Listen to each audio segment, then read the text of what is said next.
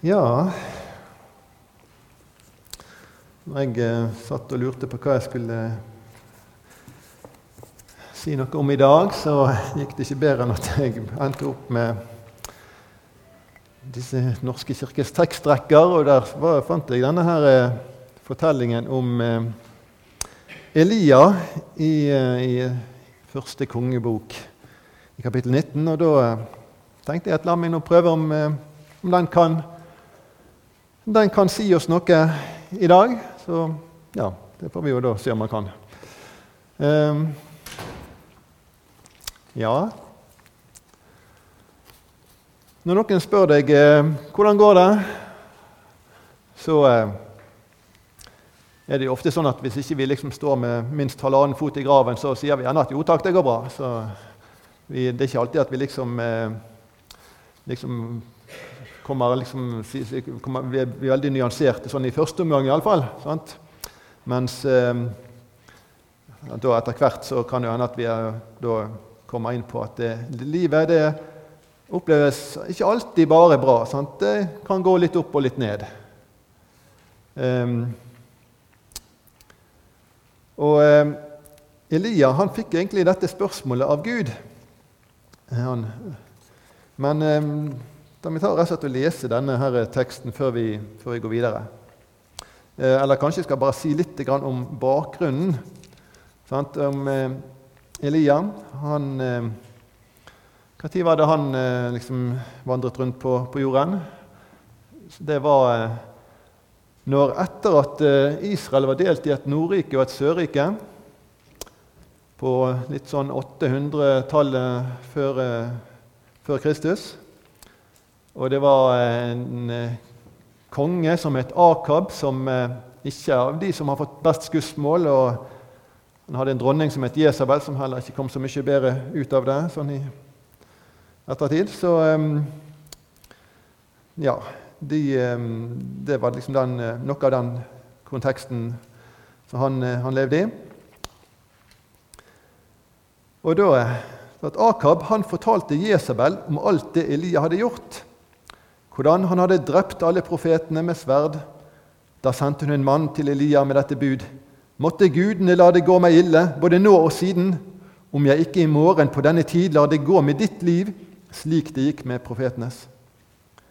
Da ble Elia redd og skyndte seg av sted for å berge livet. Han kom til Beersheba, som ligger i Juda. Der lot han tjenestegutten sin bli igjen. Selv gikk han en dagsreise ut i ørkenen han kom til en gyvelbusk, satte seg under den og ba om å få dø. Nå er det nok, Herre, sa han, ta mitt liv, for jeg er ikke bedre enn fedrene mine. Så la han seg ned og sovnet under gyvelbusken. I det samme rørte en engel ved ham og sa, Stå opp og spis. Og Da han så seg om, fikk han øye på en brødleiv bakt på glødende steiner og en krukke med vann ved hodet sitt. Han spiste og drakk og la seg igjen. Men Herrens engel kom en gang til, rørte ved ham og sa:" Stå opp og spis, ellers blir veien for lang for deg. Da sto han opp og spiste og drakk, og styrket av maten gikk han 40 dager og 40 netter til han kom til Guds fjell, Horeb. Da gikk han inn i en hule og sov der om natten. Da kom Herrens ord til ham, og det lød så.: Hvorfor er du her, Elia? Han svarte, Jeg har vist brennende iver for Herren, herskarenes Gud. For israelittene har forlatt din pakt. Dine altere har de revet ned, og dine profeter har de drept med sverd. Jeg er den eneste, eneste som er igjen, og nå står de meg etter livet. Da sa Herren, Gå ut og still deg opp på fjellet for Herrens ansikt så vil Herren gå forbi. Foran Herren kom en stor og sterk storm som kløvde fjell og knuste klipper. Men Herren var ikke i stormen. Etter stormen kom det et jordskjelv, men Herren var ikke i jordskjelvet. Etter jordskjelvet en ild, men Herren var ikke i ilden. Og etter, etter ilden lyden av en skjør stillhet. Da Elia hørte den, dro han kappen for ansiktet gikk ut og stilte seg i huleåpningen.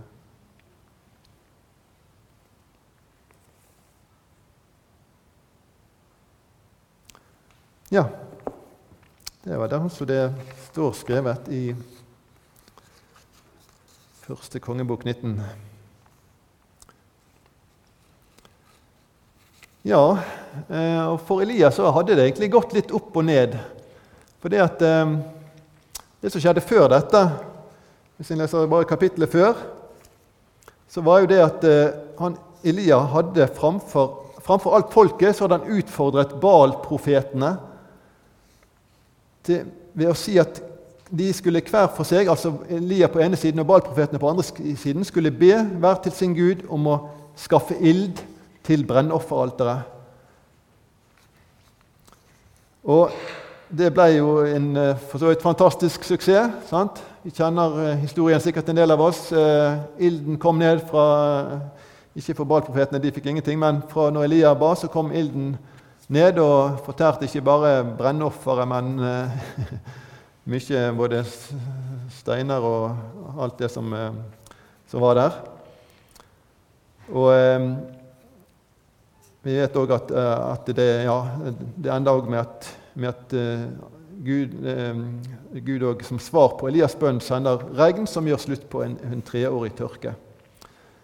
Og Dette var jo samtidig en periode der avgudsdyrkerne, altså disse her som trodde på Baal, at de, det var de som hadde hatt makten i Israel, og de som var blitt begunstiget av, av eh, kongen og dronningen. Mens de som trodde på Israels gud, de var blitt forfulgt. Og eh, som vi hørte òg Eh, Elia sa her at, eh, at, de fleste av, av Guds profeter var, òg blitt, blitt, drept. Men nå, da, etter denne her maktdemonstrasjonen som Elia hadde stått for, sant, så, så, måtte vel israelsfolket ha fått det beviset som de trengte. Nå måtte vel folket en gang for alle skjønne hvem de skulle tilbe. Og nå måtte det vel bli slutt på forfølgelsen og, eh, og, og for Elias sin egen del. Ja, og Det var kanskje ikke for mye å håpe på en smule anerkjennelse for den kampen han, som han Elia hadde stått i nokså alene. Tiden var kanskje kommet for å puste ut og slappe av etter alt han hadde vært igjennom. Ja, Vi har vel allerede hørt at, eh, at sånn gikk det ikke. At det er tydelig at dronning Jesabel var en pådriver i baldyrkelsen. Hun ville hevne seg på Elia etter å ha hørt om hva som var skjedd med, med Baal-profetene. Så dette at måtte gudene la det gå meg ille, både nå og siden, om ikke du møter samme skjebne som de. I parentes bemerket kan vi jo si at hun ble jo bønnhørt på akkurat det. Det gikk ikke så bra til slutt, men um, det er en litt annen historie. Men i alle fall, når Elia møtte disse truslene her sant? Så kunne vi jo tenkt at eh, han eh, ville vært eh, litt sånn tøff i trynet og sagt at dere har jo sett det at Gud er sjef, og at Gud er med meg, så da kan dere jo bare prøve dere. Men nei, det var ikke det som skjedde. Elia han ble redd og flykta for livet. Han regnes som en av de største profetene i GT, noen vil kanskje si den største, og hadde nettopp vært med på en av de aller største mirakelgjerningene. Likevel så virker det som han ikke våget helt å stole på at Gud kunne berge han i denne situasjonen. Så mismodig er han at han ender opp alene under en busk ute i ørkenen uten noe annet ønske enn å få dø der. Ta mitt liv, roper han til Gud i fortvilelse. Legger han seg til å sove, sikkert nokså utmatta. Og ja, Når Gud så han der, så tror jeg kanskje han, han for så vidt så at han hadde andre problemer enn bare lavt blodsukker, men likevel så sender han en engel med litt mat til, til Elia. Og Det står jo ikke akkurat noe sånn om hvordan Elia reagerte på dette, men eh, en kan jo gjerne håpe at eh, det å få frokost på sengen servert av en engel det kan hjelpe litt på humøret, kanskje. Vet ikke. Men eh, i alle fall så spiser Elia, og det må ha vært sånn rimelig kraftig kost. For det står at han da går i 40 dager og netter med dette som drivstoff. Og eh, ender opp da til slutt ved fjellet Horeb, som etter alt å dømme er det samme som ellers kalles for Sinai, der han overnatter i en, i en hule. Det kan virke som han var vant til ganske sånne enkle overnattingsfasiliteter, men har du gått i 40 dager og netter, så kanskje du sover godt uansett. Det kan jo hende. Men her er det da altså at Gud, eventuelt på morgenkvisten eller et eller annet Gud dukker opp igjen og spør et litt sånn pussig spørsmål. Sant? Dette her er eh, hva, hva, vil du her, Elia? Og Ut fra grunnteksten så er det litt, egentlig litt mer åpent. og Kan gjerne oversettes med noe sånn som Hvordan har du det? Hvordan går det?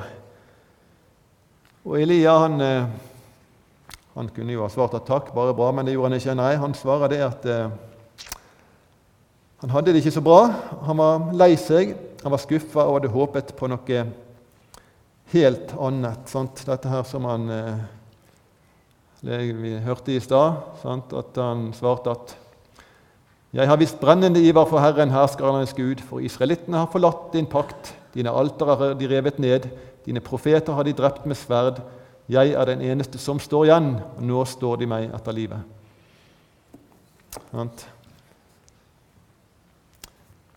Ja.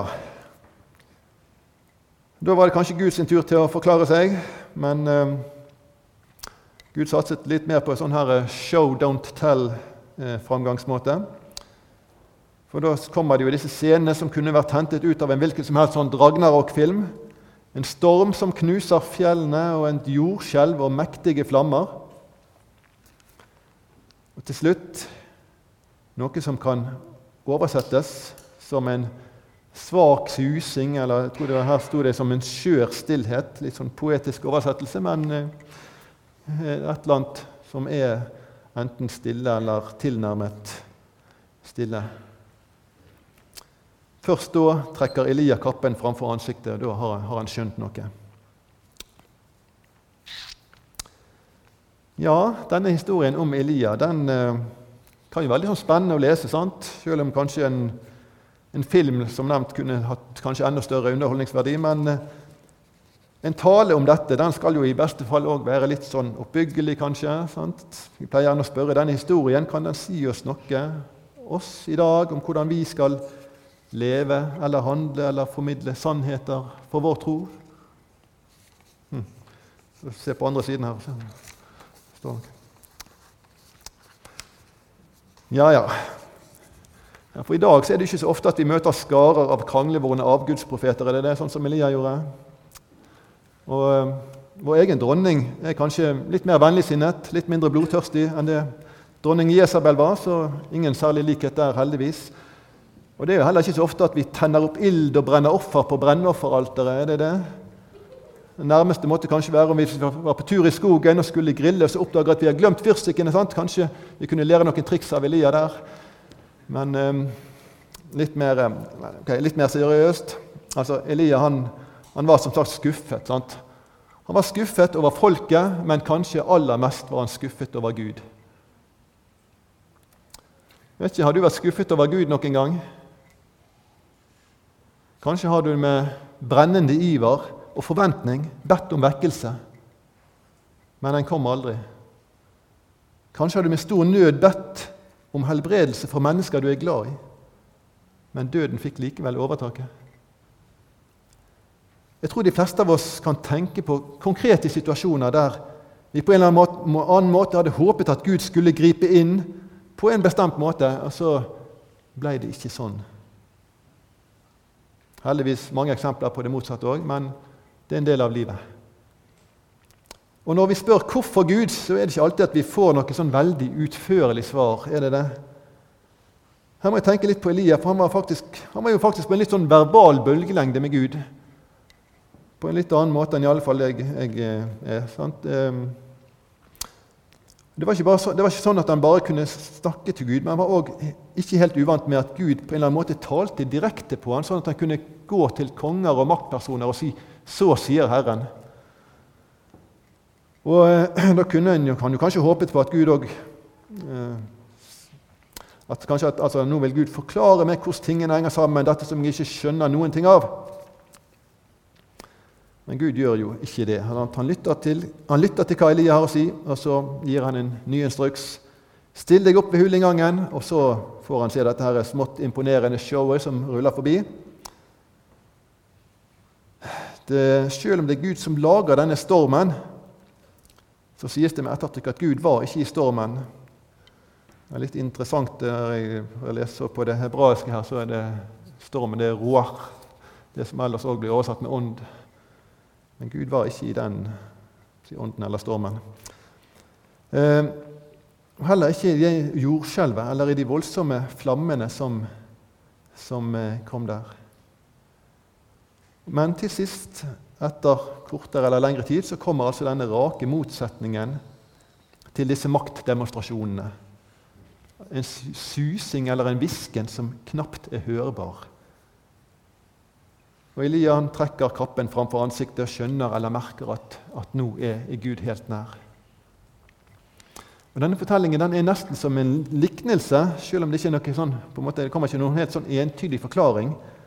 Hva er egentlig poenget som Gud prøver å vise Elia her? Og Jeg tror at det har noe med selve virkeligheten å gjøre. Hvis du blir bedt om å beskrive den virkeligheten som du lever i i dag, hvordan ville du gjøre det? Og Der kunne en jo brukt, gjort det på mange måter og brukt mange ord, men det som slår meg, er at det er, veldig, det er veldig mange sterke stemmer som vil beskrive virkeligheten for meg. Går jeg inn på en hvilken som helst eh, nettside på Internett, sant, så ser jeg at virkeligheten f.eks. kan være full av flotte, nye biler. Hvorfor skal jeg da være fornøyd med en liten Peugeot 207 fra 2011? Eller så kommer jeg inn på datingsider med flotte damer. Hvorfor skal jeg da være fornøyd med hun som jeg har? Maskin. Ja, det er godt. Godt hun ikke er her i dag, det, men, men kommer jeg hjem, sånn, så kan jeg kikke over uh, gjerdet til naboen. Sånn, Oi, hvorfor skal jeg være fornøyd med de krypene som, som jeg har? Og uh, hvordan er det på jobb? Hvorfor skal jeg være fornøyd med den stillingen jeg har? Kjemp for å komme opp og fram forbi de andre. Og hva med kropp og helse? Media flommer over av unge, vellykkede, vakre, smarte, veltrente mennesker. Hvorfor skal du være fornøyd med deg sjøl sånn som du er? Du har kanskje hørt gjennomgangstonen i alt dette. Hva er den? Den er 'vær misfornøyd'. Vær alltid misfornøyd. Mening får du i den grad du kan forbedre deg sjøl og livet ditt til å bli så langt som mulig å likne på det du ser på TV eller kanskje følger på Instagram. Ellers er det kanskje ikke så mye å hente. Og for å komme dit så er selvsagt, eh, har de veldig mange produkter å tilby. Absolutt. Men eh, det er litt, litt om hvordan eh, den på en måte virkeligheten som jeg liksom, ja, ser rundt meg. Tilbake til Elia. Han var for så vidt òg misfornøyd, var han ikke det? Og det var jo ikke helt uten grunn heller. Jeg har gitt alt for deg, Gud. Jeg har gått all in. Men hva har skjedd? Folket har vendt deg ryggen. De har drept profetene dine, og nå er det meg som står for tur. Og Jeg tror at Gud uten særlige problemer kunne gitt Elia en inngående forklaring på hvorfor ting var blitt så de var blitt. Og Kanskje kunne han sagt liksom at ja, men du, du, ser jo bare på det negative, men du må fokusere mer positivt. Renten er lav, sysselsettingen høy, Leeds berger plassen. Det er mye, sånn, mye bra òg. Men, eh, men det, er det, det, er ikke det, Gud gjør. Istedenfor velger han å ta Elia med inn i en annen virkelighet. Og Det er liksom som han sier til Elia at du har sett mine mektige gjerninger. Du har sett ilden fra himmelen.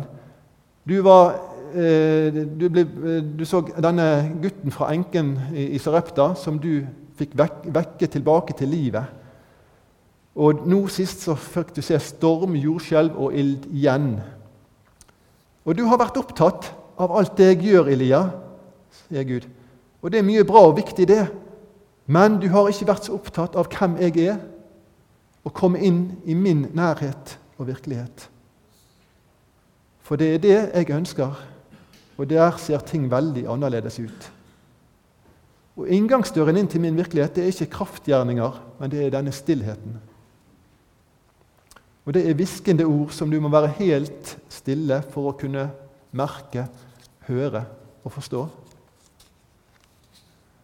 Og Jeg skulle gjerne visst mer om akkurat hva Elia hørte der og da. Men jeg tror kanskje at det viktigste var det som Gud sier til hver enkelt av oss om vi vil lytte. Du er mitt elskede barn. Du er min utvalgte. I deg har jeg min glede og fryd. Den svenske karmelittmunken Wilfrid Stinesen han sier det sånn at hele evigheten er ikke nok til å fatte dette ufattelige.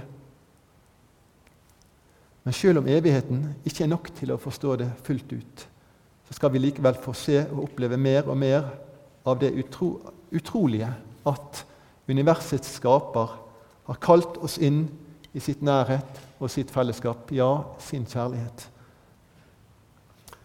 Og Jeg kan være misfornøyd med meg sjøl på mange måter, men hva betyr det hvis Gud er fornøyd med meg? Dette er det som er grunnlaget for en helt annen virkelighet enn den vi ser omkring oss til daglig. Og så tror jeg at Inngangsporten det er nettopp den som Elia fant stillheten. Av en eller annen grunn så ønsker ikke Gud å konkurrere med alle de høylytte stemmene som konkurrerer om vår oppmerksomhet. Han vil at vi skal stenge av, være stille og lytte. Selv om vi har gått inn gjennom denne inngangsporten, så kan vi jo ikke fullstendig si takk og farvel til verdens virkelighet. sant? Vi må leve der òg. Men på samme måte som vi kan trene kroppen og sinnet på andre måter, så kan vi òg trene på å leve i Guds virkelighet. Vi kan da hver dag prøve å sette av en periode, en tid, der vi sier at nå vil jeg stenge av de andre kanalene. Nå vil jeg åpne meg for Guds virkelighet. Og så til slutt, til slutt vil jeg også ta med det siste som Gud sier til Elia, som vi kanskje ofte overser, og som jeg heller ikke kom helt fram til når jeg leste denne teksten her. Vers 18. Der sier Gud at eh, eh har, Gud sier jeg har latt 7000 bli igjen i Israel som ikke har bøyd kne for Baal og ikke kysset ham med sin munn. Elia han følte seg mutters alene, men Gud kommer til ham og sier at nei, det er du ikke. Det er absolutt ikke noe flertall, langt derifra, men det er likevel mange som står sammen med deg. Og Når vi snakker om å leve i Guds virkelighet, så kan vi lett kanskje fokusere på det individuelle og den personlige relasjonen, og det er mye bra i det. Men det at vi er flere sammen i denne virkeligheten, det er, det er ikke bare noe som liksom blir sånn tilfeldigvis, men det er tvert imot noe som Gud har skapt oss til. Gud sjøl er fellesskap i treenigheten, og han har skapt oss til å være et fellesskap der vi skal støtte hverandre og sammen vokse mer og mer inn i hans virkelighet. For det er jeg egentlig sikker på at selv om vi snakker på en måte om to ulike eh, og på en måte konkurrerende virkeligheter, så er Guds virkelighet alltid den sanneste, dypeste og mest virkelige. Kjære Far i himmelen, hjelp oss til å åpne oss for din virkelighet. Amen.